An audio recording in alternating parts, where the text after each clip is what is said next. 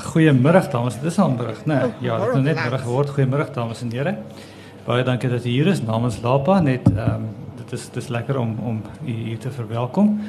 Ehm um, en dan natuurlik ons twee gaste op die verhoog. U is hier om na hulle te luister, nie na my nie. Hier ehm um, direk langs my is Elaine Bing.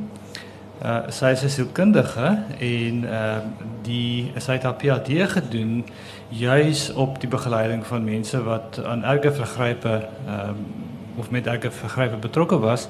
En uit die PhD uit het uiteindelik die boek ek het of ons het gemartel ek het gemartel. En dan die boek is natuurlik ook in Engels beskikbaar Unmaking the Torture die boeke is hier langs in boeke as 'n uh, te koop. Um, en dan het ons vandag is baie bevoorreg om Anne Marie Mischke hier te hê natuurlik iemand wat uh, baie bekende joernalis is lank by rapport gewees. En vandag is sy deesdae doen sy baie uh, regie as 'n Teresa as redakteur op en uh, dis 'n voorreg om julle hier te hê maar ek gaan ophou sodat julle kan praat baie dankie My eerste kennismaking met Elaine se werk was so iets meer as 2 jaar gelede toe die lywigste doktorale verhandeling wat ek my lewe gesien het. Iets sweets op my lesenaar beland het met 'n versoek van Karen Adendorf van Lapa. Kyk of hier 'n boek hier uit te maak is. Ek uh, het geen daar da was net nie die waarskuwing wat nou op die omslag van die boek aangebring is nie vir sensitiewe lesers nie of uh, in elk geval uh, het ek nie vermoed wat uh, wat op my wag wanneer ek daardie uh, proefskrif onder hande neem nie. Uit uh, uiteindelik het ek nie 'n keuse gehad om te sê nie hier is definitief 'n boek uit te maak. Daar was baie goeie redes hoekom ek dit kon sê soos uh, nou uh, uit uh, geleidelik uit ons gesprek sal blyk. Maar een rede het ek vir myself gehou want dit is dalk nie 'n uh, om 'n boek uit te gee nie. Hierdie boek is gebaseer op drie onderhoude, drie langdurige maande lange onderhoude van met apartheidspolisie manne, eintlik twee van hulle in die werklike apartheidstyd in die 80er jare, een van hulle van die 91 af in daardie bloedige oorgangstyd tussen apartheid en die demokrasie. En die proefskrif en die boek wat uit daar, daar uit voortgevloei het is het bevat verbale weergawe van wat hierdie mense in die townships aangevang het. En ek het by myself gedink dis goed. Publiseer hierdie boek. Laat die mense wat hierdie boek lees vir eens en altyd weet wat die polisie aan die mense gedoen het. Maar soos die boek toe begin vorm aanneem het oor 'n tydperk van etlike maande, het ek besef dit is onregverdig teenoor die lyn en teenoor die boek om dit te wil reduseer tot 'n uh, gruwelverhale, tot 'n soort van geweldspornografie. Die boek het veel meer as dit om die lyf. Uh, net om 'n idee te gee van die aard van die onderhoude en van die aard van die mense met wie die onderhoude gevoer is. Net enkele reels uit een van hulle se onderhoude teens wat vir my gevoel eintlik die ergste geweldpleger van die drie was. Teens skryf en dit verskyn in die boek. Partykeer maak dit my naar, maar dit is opwindend. 'n Gevoel van genot of plesier verskillende woonbuurte, verskillende maniere om plesier te kry. Daai flashes wat jy sien, soos die een in die bussie wat in sy maag geskop is totdat hy homself bevuil het. Dan gooi jy hom uit die bussie. En as hy op die pad val, is daar nog bloed. Elaine is 'n sielkundige en dit is inderdaad nie net die blote verhale wat haar geïnteresseer het nie. Al drie hierdie manne was ernstig siek met posttraumatiese stresversteuring toe hulle by haar om hulp aangeklop het. En vroeg in die boek dring reeds die kernvraag om na vore. Wat is die uitwerking van sy dade op die folteraar self? Uh Elaine in die boek skryf jy dit is marteling uh, dit wat marteling aan die slagoffers doen word in die folteraar herhaal. Wil jy net 'n bietjie uitbrei oor die lot van die folteraar as slagoffer nie? Dit klink nou miskien soos 'n teenstelling, maar uit die boek word dit baie duidelik wat jy bedoel. En wil jy ons dan ook vertel wat jou beweeg het om soveel aandag daaraan te bestee dat dit uiteindelik tot 'n doktorale verhandeling gelei het nie? Ek gaan die twee vrae omruil, is makliker. Die een lei tot die volgende ene in. Ek het in 'n sekere tydperk in Suid-Afrikaanse geskiedenis, as jy 'n sielkundige was, het jy gedurig polisie uh, offisiere gesien wat aangemeld het om help. Gewoonlik posttraumatiese stresversteuring is hulle die diagnose waarmee hulle ingekom het. Daar was baie bedrog daarbey betrokke, maar van hulle was regtig waar. Ehm soos ek met mense begin praat het, het ek baie agtergekom dat hulle nou en dan iets sou sê wat 'n aanduiding sou gee dat daar ander goed betrokke was. Hulle sou goed sê soos ehm um, daar's goed waaroor ek nie wou waaroor ek nie trots is nie. Goed wat ek gedoen het. Toe gedink ek, okay, ek gaan 'n bietjie navraag hieroor begin doen wat ek gedoen het. So dit het tot belangstelling gelei. Die ander ding wat tot belangstelling in my gelei het is as jy 'n wit Suid-Afrikaner is en nie 'n uh, apartheidsaktivis was nie, is daar 'n paadjie wat jy moet loop.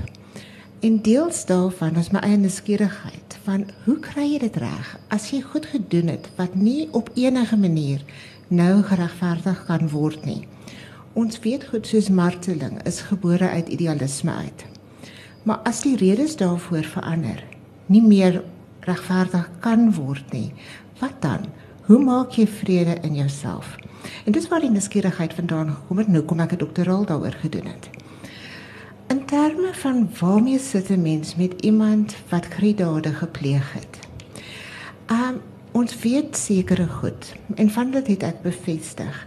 Aggressie word duidelik verhoog. Ons kry by posttraumatiese stresversteuring aggressiewe uitbarstings. Maar dit lyk asof dit erger is in die persoon wat gruweldade pleeg. Ons kry dat hulle regtig 'n ernstige probleem het in verhoudings ek dink nie daar's 'n manier om gesonde verhoudings te handhaaf met enige iemand as jy marteling gedoen het nie. Um hoe maak jy vrede daarmee in jouself? In die poging van 'n beter samelewing skep, het hulle al heeltemal vervreem van hulle eie gemeenskappe. Hulle kon nie meer deel wees daarvan nie. Ons weet en ek gaan hier die Engelse terme gebruik, dit is makliker om te gebruik hier. When we deal with guilt, if people feel guilty, they want to fix things, they want to repair. When people feel shame, they want to hide, they don't want to be known. En dis wat met hulle gebeur het. Daai gevoel van oorweldigende skaamte het hulle vervreem van die gemeenskappe wat hulle wou beskerm, wou heel. Ehm um, ja, ons kan later by ander goed uitkom. Dis genoeg om mee te begin. Ek wil 'n bietjie breër vraag vra wat miskien buite die omvang mm. van jou boek strek. By die lees van wat net hierdie drie enkelinge se die gevolge waarna hulle gelei het na hulle na na hulle geweldpleging. Het dit my opgekom daar moet honderde ander soos hulle wees in die polisie, in die weermag, hoe ook al. Daar is duisende meer, honderde duisende meer waarskynlik wat aan die ontvangkant van die wreedheid van die apartheidstelsel was. Daar was wreedheid gepleeg swart op swart in die townships veral soos ons weet in ANC kampe. Daar is ook wreedhede gepleeg eh, van uh swart op wit. Met ander woorde ons is, is 'n land met 'n geskiedenis van geweldpleging oor dekades heen, heen en weer, afgesonder van die politieke opset. Watter langtermyn uitwerking het dit dalk op die wese van ons nasie? Uh, vir as mens kyk na die gewelddadigheid van ons huidige uh, misdaad uh. Uh, lei ons nou nog ons almal in 'n sekere sin onder die geweldpleging van daai tyd. Um, ek het geen twyfel daaroor nie. Ons het dit voorspel so onder mekaar toe ons in die geweldpleging van die 80e jare was. As kinders lyke op strate sien, gaan ons later major probleme ontwikkel wat ons gedoen het. En daar's geen manier wat ons hierdie goed vryspring nie. Suid-Afrika is 'n gebroke land. As ons kyk, daar's heelwat studies wêreldwyd oor die effek van kinders wat in gewelddadige huise groot word. En fascinerend as enigiemand dit wil opsoek, is ons weet dat kinders wat in hierdie tipe opsette groot word, alles word geaffekteer, insluitend fisiese gesondheid. So ons kan sê 'n kind wat in sekere omstandighede groot word, waar hulle aan baie um, trauma blootgestel word, sal later 'n baie groter risiko hê vir goed soos kanker. En daar's baie baie studies wat dit onder onderskraag. So dit het 'n enorme ekonomiese impak ook wat ons nie altyd van bewus is nie. Ehm um, as ons sielkundig seer kry, affekteer dit die res van ons lewens. En die geweldpleging is erger. Uh sou mens kan sê dat eh, vir 'n sekere geslag mense of 'n groot groep uit 'n sekere geslag uh, geslag mense het geweldpleging is 'n vanselfsprekende deel van die lewe geword. Met ander jy dink nie meer jy pleeg jy geweld nie. Dit is 'n natuurlike manier van doen. Annemarie, ek dink dit het gebeur met baie keer in die kultuur van die polisie. Dat geweld geweldpleging 'n normale deel van die dalk raak. Dit raak geroutiniseerd. Dit is wat ek doen. Dis hoe ek werk. Daar is nie alternatiewe maniere om op te nie. Ek is baie bang om te sê dat mense dit outomaties oorneem. So daar's mites ek dink in die samelewing wat sê dat as iemand aan geweldpleging as kind blootgestel word, dat hulle outomaties geweld gaan pleeg. Dis nie waar nie. Um, maar dat hulle op ander maniere geaffekteer gaan word, ja, beslis.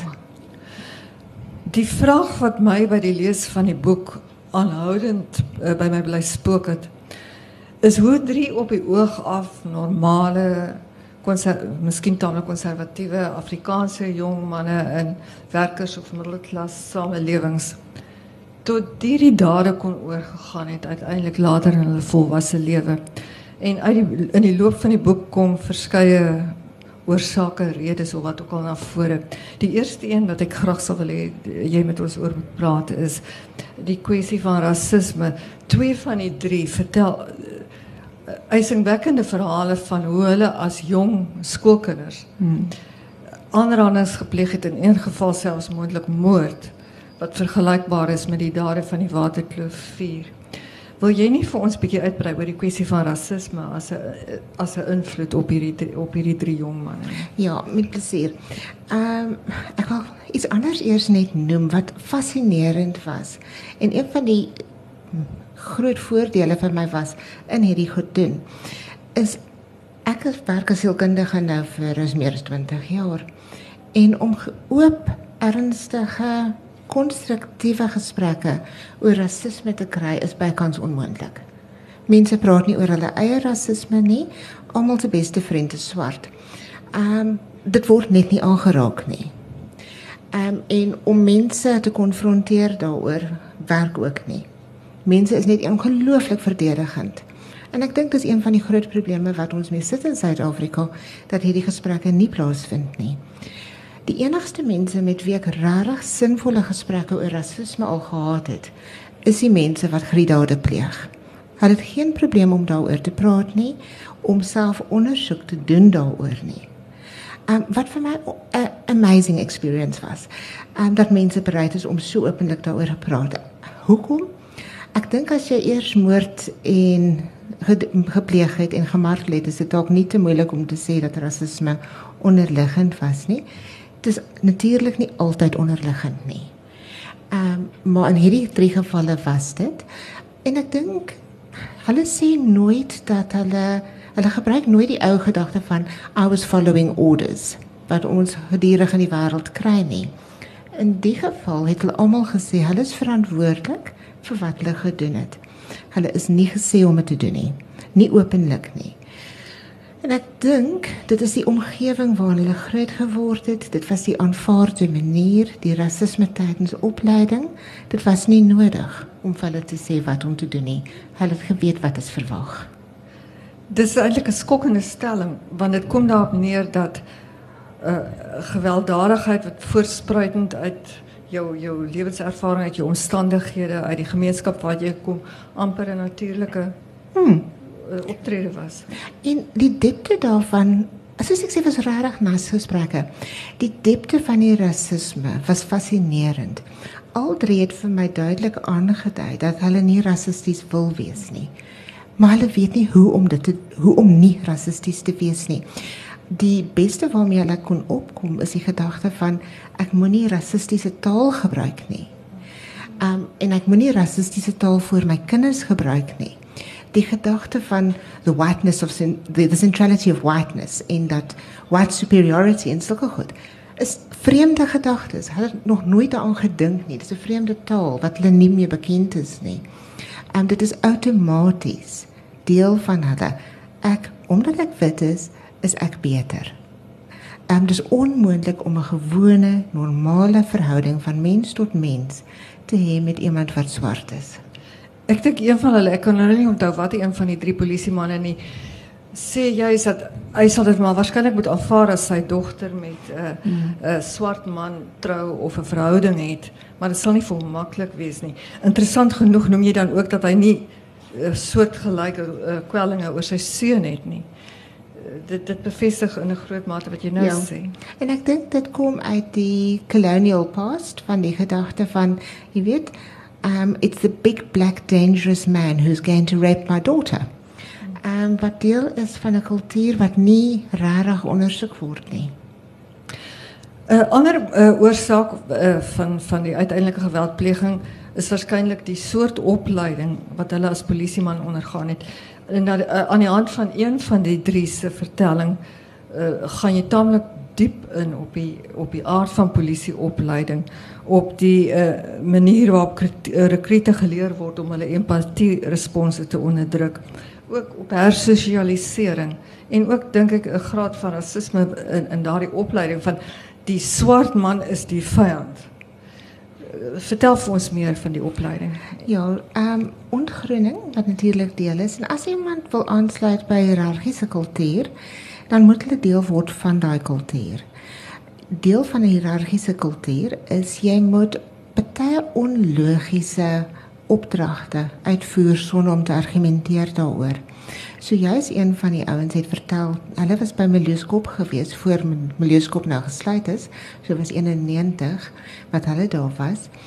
En wat hulle gesê word om deur die ehm um, sewage dams, ek weet nie Afrikaans. Riooldamme. Riooldamme, dit is reg. Te swem. Ehm um, want daar was een of ander kwansyns uh ding wat hulle gedoen het wat verkeerd was. Ehm um, daar's geen sin daarin nie.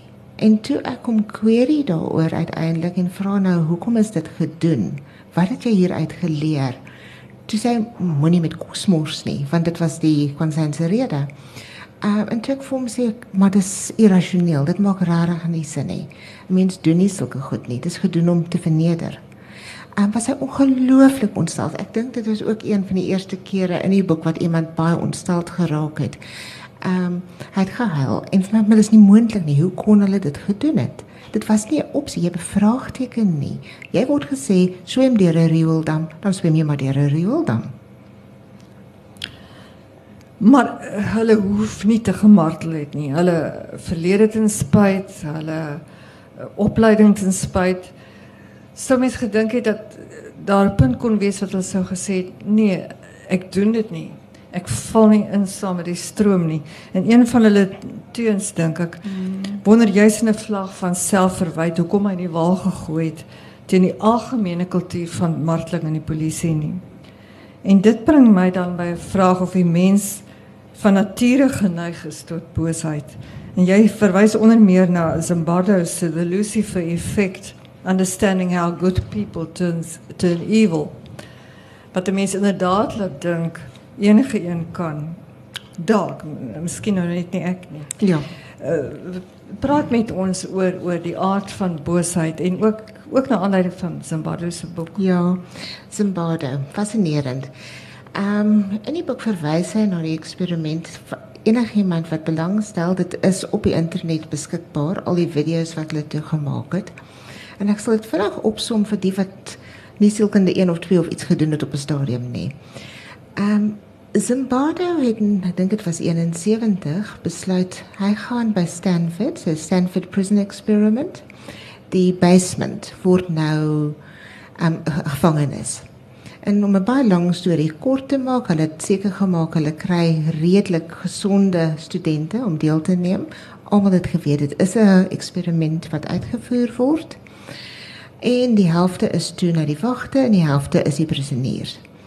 En hulle word opgetel deur die sheriff die oggend. Alles word baie dramaties gedoen. Die eksperiment is oor 2 weke beplan. Hulle sou dit video. Dink is in samewerking met die vloot en so voort wat gebeur in tronke? Kies ons die wagte verkeerd dat hulle sadisties raak? Is hierdie tipe vrae? En nou, ek kan nie presies onthou nie. Ek dink dit was 5 of 6 dae moes hulle dit staak. Een die wagte het begin sadisties raak. Ehm um, hulle kon nie meer hulle vertrou om nie die prisonniers te beseer nie. Zimbabwe self het 'n uit ding gereël. Hy was ek dink hy was toe al 'n professor as ek reg onthou. In 'n geval hy het self ehm um, die perspektief verloor van waarmee is hulle besig. En een van sy assistente moes nader aan hom toe kom en sê professor you are more worried about your prison than you are about the welfare of your students this can't continue. So binne, dit was 5 of 6 dae, was dit 'n bietjie korter as ek reg onthou, dis lank terug wat ek goed gekyk het. Maar dit was baie baie vinnig wat 'n mens begin sien het dat hierdie normale studente begin statisties raak en die prisonniers beseer. Hulle medestudente, hulle het geweet dis 'n eksperiment. Daar's heel wat queries daaroor gewees. Ek dink mense wil nie weet ons is in staat daartoe nie een van die ander baie ou eksperimente plus minus dieselfde tydperk. Ons sal nie nou etiese goedkeuring vir hierdie goed kry nie. So ek is baie bly hulle het dit toegedoen. Is die Milgram eksperimente waar hulle mense geskok het aan vir om hulle nou konsens te leer om te spel.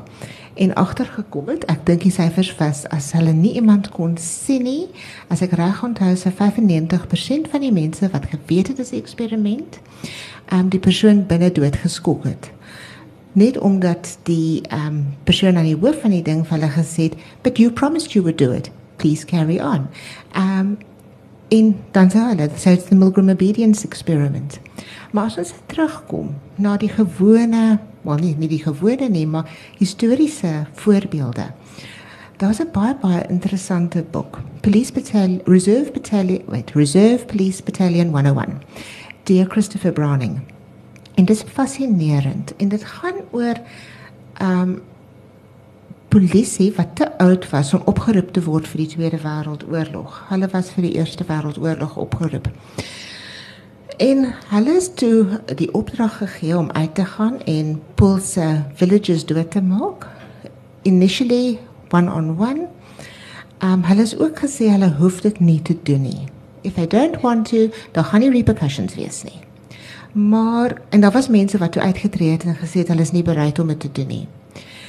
Hulle was verantwoordelik vir ongelooflik baie dood do, um, mense wat dood is in die Tweede Wêreldoorlog uiteindelik want hulle het gehelp om mense op die treine te sit na die gas gas chambers toe.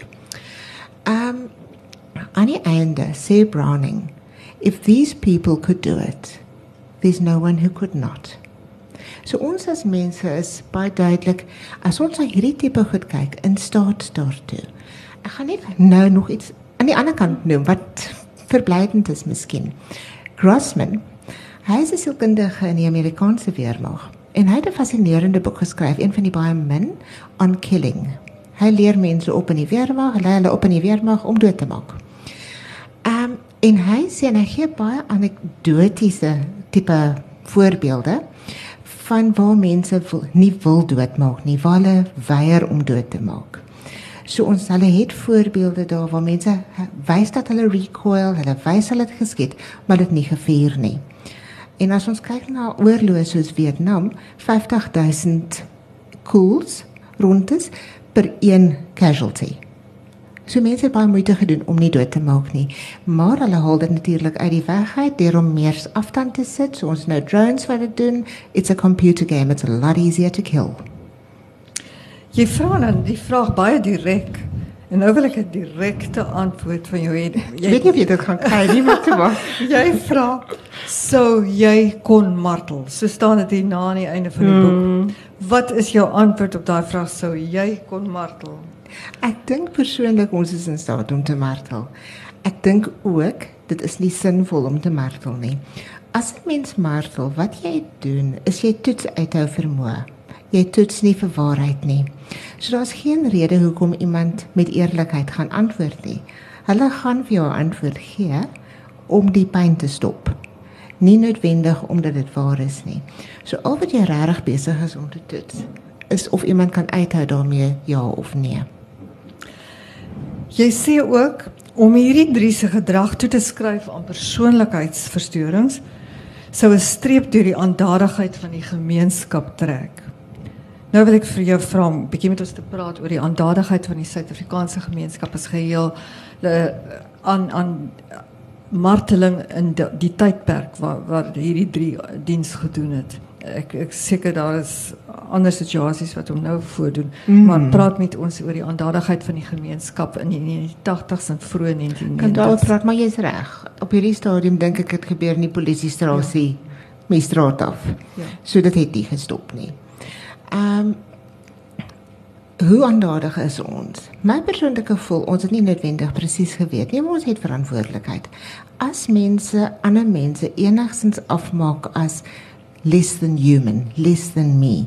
Is ons besig om die grondstede te lewe wat uiteindelik in genocide eindig? Want as ons na genocide wêreldwyd kyk, is dit wat gebeur. Enige iemand wat nie as my gelyke gesien word nie, as my gelyke behandel word nie met dieselfde regte, is ons besig om vir ons verdere probleme te skep. Ek het nou jou vraag vergeet.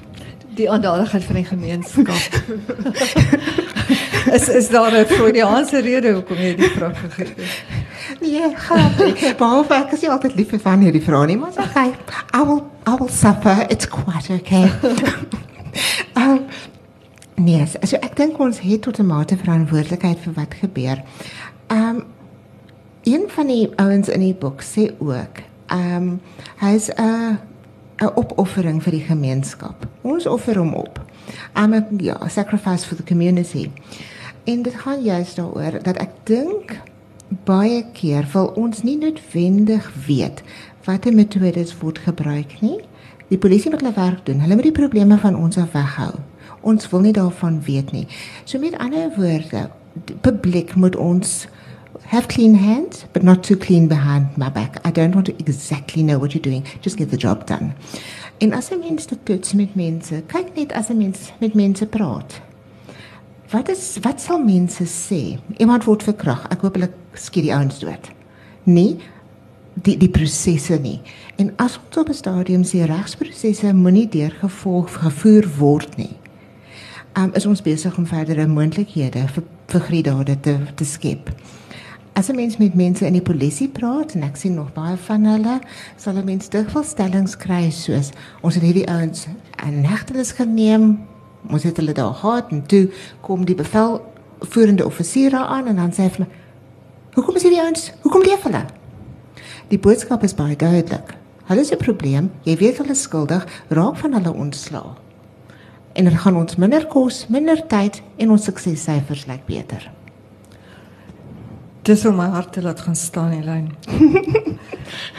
'n Belangrike subtekst van die boek is jou eie persoonlike reis saam met hierdie drie polisie manne want uh vir die wat nie die boek gelees het nie die onderhoud het maande geduur as ek dit reg het. Dis dis van hulle 2 jaar. Ja. Hmm. en uh dan is daar jou besluit om deurgangs nie veroordelend te wees nie. Uh en dit het 'n sekere tol van jou geëis. Jy vertel ook hoe jy soort van geslinger is tussen walging aan die een kant en empatie aan die ander kant en deernis selfs. Neem ons so 'n bietjie saam met jou op reis, saam met jou persoonlik met Elaine Bean. Ja, sure. Ja, kyk, ek net sê hoekom ek besluit het om nie veroordelend te wees nie. Daar's 'n paar redes daarvoor. Die een is ek het besluit ek wil die stories hoor, ek wil verstaan. En dis hoekom ek my nie geskaar het met die human rights movement nie, want dan gaan ek die gesprekke afsluit. Dan gaan nie 'n verdere besluit wees, 'n gesprek wees nie. Ook as ek kyk na die navorsing wat wêreldwyd gedoen is, ehm um, daar's ongelooflik min stories van mense wat gry daarop enige manier gepleeg het. Marteling, mense doodmaak, hulle praat nie. Ehm um, ek dink hierdie is die eerstes vir ons regtig goeie gesprekke gevoer gekry het. Ehm um, En as ek kyk na die werk wat gedoen is, dikwels kan ek bespeur in die outeurs of die navorsers dat hulle veroordelend was. As jy martel, is jy bewus van jou slagoffer se emosies? Jy is bewus van hulle sterkpunte, hulle swakpunte. Jy moet die persoon aan die ander kant kan lees. As jy gaan optel dat die persoon is veroordelend teenoor my, gaan hulle nie praat nie. Hoekom sou hulle? So ek het nie veel keuse gehad nie. Die ander rede daarvoor was as 'n mens veroordelend gaan wees en besluit dan gaan ek outomaties sê jy is minder as 'n mens. Jy is sleg. En dan sê ek op dieselfde paadjie waar ek mense afmaak, dis wat hulle gedoen het. So ek kon nie daai pad loop nie. Nou, dit los jy natuurlik in 'n gemors van nou moet jy empatie ontwikkel. En dit is nie die maklikste ding om empatie te ontwikkel met iemand wat regtig baie boosheid geopenbaar het nie. Um die enigste manier om dit te doen is om bewus te wees van jou eie vermoë om boos te wees. So dit vat redelik selfondersoek andersins kan jy nie met hierdie mense werk nie. Natuurlik was van die stories moeilik. Um sleg. Um daar's tye wat 'n mens beelde sê of ek sou beelde sien wat ek nie van kon wegkom nie. 'n Voorbeeld sou gewees het van een van die stories, ek dink Harold het my vertel van die stories van hoe kinders nog 'n kind vir en hulle was 6, 7 jaar oud, hoe hulle besig was om nog 'n kind te necklace. Ehm um, want dit verkeerde lekkers gekoop of iets. Ehm um, en dat mense sit met daai tipe beelde van wat op aarde doen ons in hierdie land dat hierdie tipe goed gebeur het. Ehm um, daar was tye wat ek outomaties afgestomp sou word en nie meer gevoel het nie en dan sou dit iets anders vat.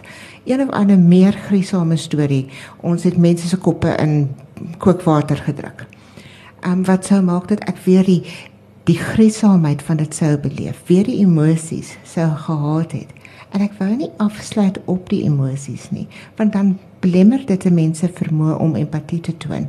So ek moes dit toelaat. Outomaties die manier van hoe ek dit gedoen het, het my ook in dit ingeforseer. Ek het self die onderhoude gedoen en ek het nie iemand anders gevra om dit te um, transkribeer nie. Kon dit nie aan iemand doen nie, hulle sou my nie verwag en hulle sou foute gemaak het want dit is emosioneel moeilike werk en ek het dit self vertaal in Engels. So ek is herhaaldelik deur die goed. So ja, jy het genoeg blootstelling. Jy het waarskynlik 'n tyd van herstel nodig gehad daarna. Ja, ek ek werk in trauma vir jare en jare te lank. Um, so ek het 'n klomp redelike effektiewe coping methods met werk. Een van die goed wat ek toe gedoen gedoen het en gedink het, ag ek maak dit maar deel van die teses, dit is toe later in die boek opgeneem. Ek is nie 'n professionele skilder nie, maar dit maak nie saak nie. Ek het geskilder want dit is makliker. So ek sou baie keer dit wat ek beleef het uit uitgeleef op dit wat ek geskilder het. Dit was ook handig ek kan een van die skilderye noem. Dis nie 'n goeie komposisie nie, maar ek het dit ingesit want dit was so betekenisvol. Ehm um, dis essensieel 'n woestyn. Jy sien my gesig gaan jy sien iemand wat gemartel word. En dit het ek gedoen met op 'n stadium want ek gevoel hulle vra my om saam met hulle hier in te stap. Ek werk met evidence-based metodes. Ek weet wat ek gaan kry. Hier weet ek glad nie en ek spang. Ek weet nie hoe gaan ons werk nie. Ek weet nie waarheen gaan ons nie.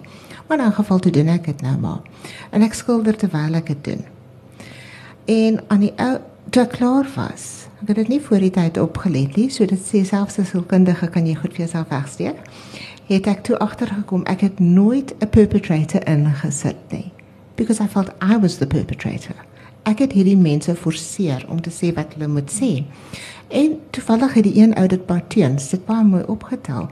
Hy het op daai stadium my begin Himmler noem, head of the German SS.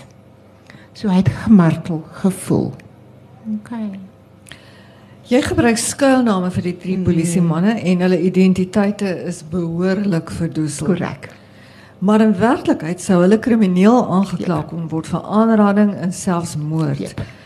Was dit vir jou 'n etiese probleem? Ek en Mary, ek was baie versigtig dat dit kon 'n etiese probleem geraak het. Maar my gevoel was hierdie mense het hulp. Ons kan mense wat hierdie goed gedoen het, nie net vir hulle sê luister, um you have made a mess, your problem. So as 'n mens met hulle gaan praat, en ek het toe bereid besluit ek is bereid ek sien nog baie van hulle. Um, een manier om dit te doen is om nie te veel detail te vra van plek en name en baie van die mense was naamloos wat hulle dit gemaak het. Daar is geen manier wat hulle vir my sou kon gesê het dis hierdie persoon of daar hier en daar is daar. Maar baie keer nie. En ek het seker gemaak van die begin af, hulle het geweet en hulle toestemming ook gegee vir die navorsing. So dit was in hulle belang om nie vir my detail te gee wat opgevolg kan word nie. So op daai manier het ek seker gemaak ek kan eintlik niks met die indigting doen nie. Dit is 'n soort van as ek dit 'n etiese probleem kan noem, iets wat grens aan aan die priester en die bigokkie se rol. Ja aan aan 'n advokaat se vertrouensposisie met sy met sy kliënt aan 'n dokter met sy pasiënt. Yep. Dan hier nader na die einde vra jy 'n riller van 'n vraag. Is daar omstandighede waaronder marteling geregverdig is? Geef vir ons jou antwoord. Hmm. Ek dink nie dit is dit word ooit geregverdig nie, maar ek sal vir julle die dilemma gee wat gewoon gewoonlik gegee word. As 'n mens na die literatuur oor marteling kyk, en dit kom uit die 17de eeu, eeu uit, so dis nie nuwe dilemma's nie. En die dilemma wat gestel word is as oh, ja, ek dink dit is bietjie verander daarna, but this is the basic one. Ek dink hierdie is bietjie later. Anyway, as 'n mens 'n bom sou gehad het, wat sal afgaan? En duisende mense gaan sterf. En een persoon weet hoe om dit te stop. Is ons geregverdig in die martel van hom ja of nee? So dis die dilemma wat gewoonlik gegee word. Ehm um, daar word baie keer gesê, ag daar's ongelooflik baie argumente daarteen. Maar baie van hulle net eenvoudig nie sin maak nie. Een van die bekende outeurs daaroor sê, "Wel, dis nie 'n realistiese dilemma nie." Ehm um, dis nie 'n realistiese dilemma as 'n mens na die literatuur kyk oor oor ehm um, marteling nie. Maar die probleem is die literatuur wat verwys na marteling en die literatuur wat wys na police brutality is heeltemal apart. Die twee kom nooit by mekaar uit nie.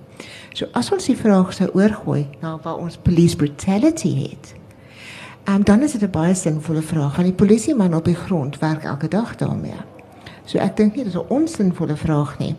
Maar soos ek gesê het, ons kan nie sê marteling kan tot waarheid lei nie.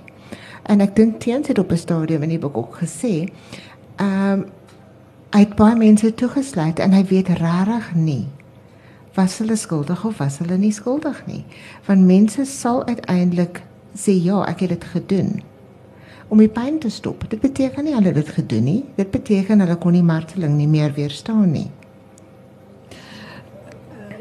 Voordat ons uh, die gehoor kans gee om hulle vrae te stel, net 'n laaste vraagstelling vraag. vraag dit kom ook in jou boek uit dat marteling wat ek amper sê so oud soos die mensdom is, dat dit wêreldwyd voorkom. En dan sê ook dat jy weet dit duur tot vandag toe voort in Suid-Afrika. Ons is almal getuies van stories wat ons lees oor huidige uh, polisie brutaliteit en dis maar wat in die openbaar uitkom. Ons weet nie wat in polisiekantore en tronke aangaan nie. Maar het die Eh, eh, die marteling in die apartheidstyd in die 80er en vroeë 90er jare waar waaroor jy nou gewerk het. Is dit wat onderskei dit van ander soort marteling, van ander ander episodes van marteling in ons geskiedenis as wêreldwyd? Is dit 'n unieke situasie? Sorry. Ehm um, dis interessant in Suid-Afrika. Ek dink daar was hier en daar mense wat opgelei is. Daar's 'n paar stories wat die rondes doen. Maar die meeste van die polisie wat opgelei is is deur mense hulle ouer offisiers opgelei in verskeie tegnieke. Ehm um, as ons kyk na die ehm Grieks Griekse maar die the Greek torturers daar is dit baie offisieel gedoen. Dit is baie anders gedoen van die Amerikaanse lande ook. Was daar mense wat amptelik opgelei is om te martel? Um, ek weet nie of dit jou vraag beantwoord nie. Uh, maar die die feit dat dit in die apartheidstyd gebeur het, dat dit spesifiek wit op swart marteling was, dit was dat dit was dit nie. Nee, swart op swart ook. Maar maar maar uh, grootendeels Mm -mm. Nee, daar was, was daar genoeg swart polisiemanne. Swart polisiemanne wat Goed, maar daar was daar was die element van rasisme waarvan jy net nou yes. gepraat het, dat dit wel onderskei het van yes. van van ander marteling, maar marteling is uiteindelik marteling, maak yes. nie saak wat nie. Ja, en kyk wat gebeur het in Suid-Afrika wat interessant is, is waar dit met polities politieke sake begin het. So ons het daar's gemartel vir ideolo um, ideologiese redes. Het dit later verander dat mense begin martel het vir kriminele sake. En dis wat op hierdie stadium gebeur. Die marteling het oorgeskuif. So nou word daar gemartel want dit is vinniger volgens hulle om te martel omdat ek dink iemand het gesteel of dat ek dink hulle was aan iets skuldig. Ehm um, so dis nie meer vir ideologiese redes nie.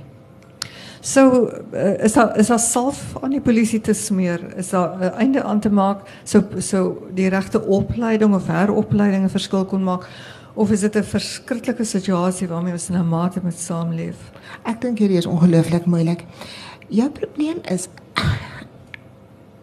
As ons nie ordentlike toesig het nie, gaan daar probleme wees wanneer mense gaan dit doen. Dit is so 'n deel van die kultuur. Maar saam met dit sit 'n mens met as 'n polisiestasie syfers moet wys van er, hoeveel mense hulle gearresteer het, hoeveel convictions hulle het. Ehm um, is daar baie druk op hulle om te perform. Die gemeenskap plaas ook geweldig druk. Ek dink daar's on, onvoldoende opleiding en duidelik onvoldoende. So al die faktore speel saam.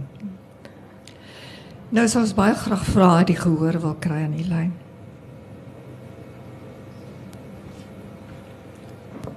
Hallo, ehm um, Anne Marie en Elena is absoluut 'n fascinerende gesprek. Maar jou eerste vraag wil net um, weet ek dink nou aan die pikke wat in die in die ehm um, nuus is met ehm um, redelike wrede ontgroening, ehm um, obviously die waterkloof 4 wat jy ook genoem het. My my vraag sou net wees is as so iemand nou nou gestraf word, is hulle rehabiliteerbaar? Is dit moontlik om daai neiging uit iemand uit te kry of bly dit maar daar? Dis 'n baie nice vraag. Ehm um, ek gaan verwys weer na die werk wat ek doen en ek is miskien tot nou toe baie bevoorreg gewees. Ehm uh, die drie mense wat ek in die boek gebruik het, maar ek werk heel wat met mense wat by hierdie goed betrokke is. Ehm um, Ek dink as iemand insig het in hoekom dit 'n probleem is en rarig vir vir goeie redes wil verander, is dit moontlik. Dis 'n ongelooflike moeilike paadjie om te moet loop. Om daai tipe selfondersoek te doen. Nie almal kan dit doen nie, maar van hierdie mense kan dit doen, kan na hulle self kyk, kan die paadjie loop. Die drie in die boek het dit vir 'n baie goeie rede gedoen en dis hoekom ek by hulle redelik positief is. Hulle doen toevallig goed op hierdie stadium. Is hulle dit vir hulle kinders gedoen? Hulle het geweet as ek nie verander nie, gaan ek my gesin totaal vernietig. En dis hoekom hulle toe besluit het om die werk aan te pak.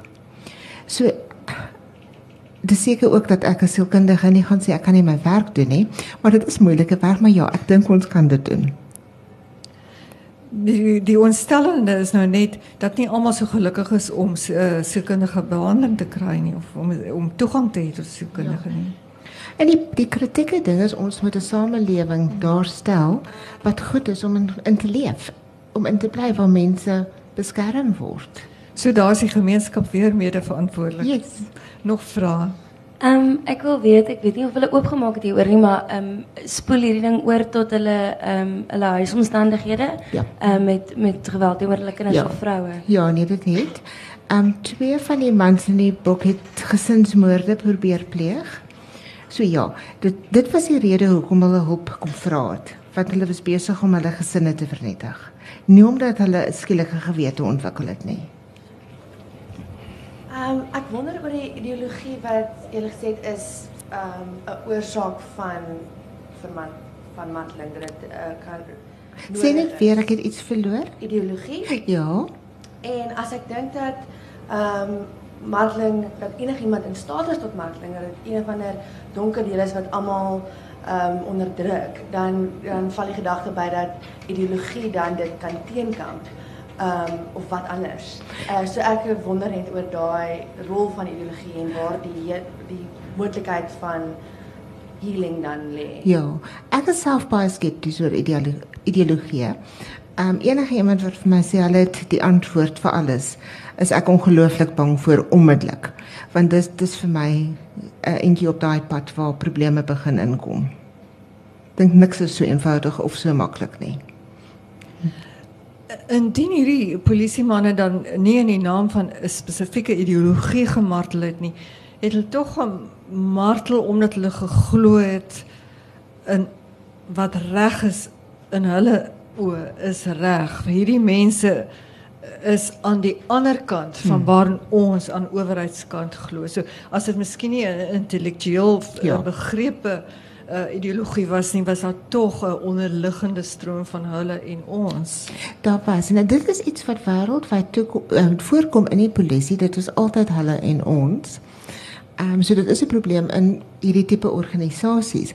Iets anders wat ons nie genoem het nie, Annelie, wat interessant is daar, die een ou het dit baie mooi uitgedruk teens dat hy my gesê het in die begin het ek vir God en Vaderland dit gedoen. Later het ek dit vir myself gedoen.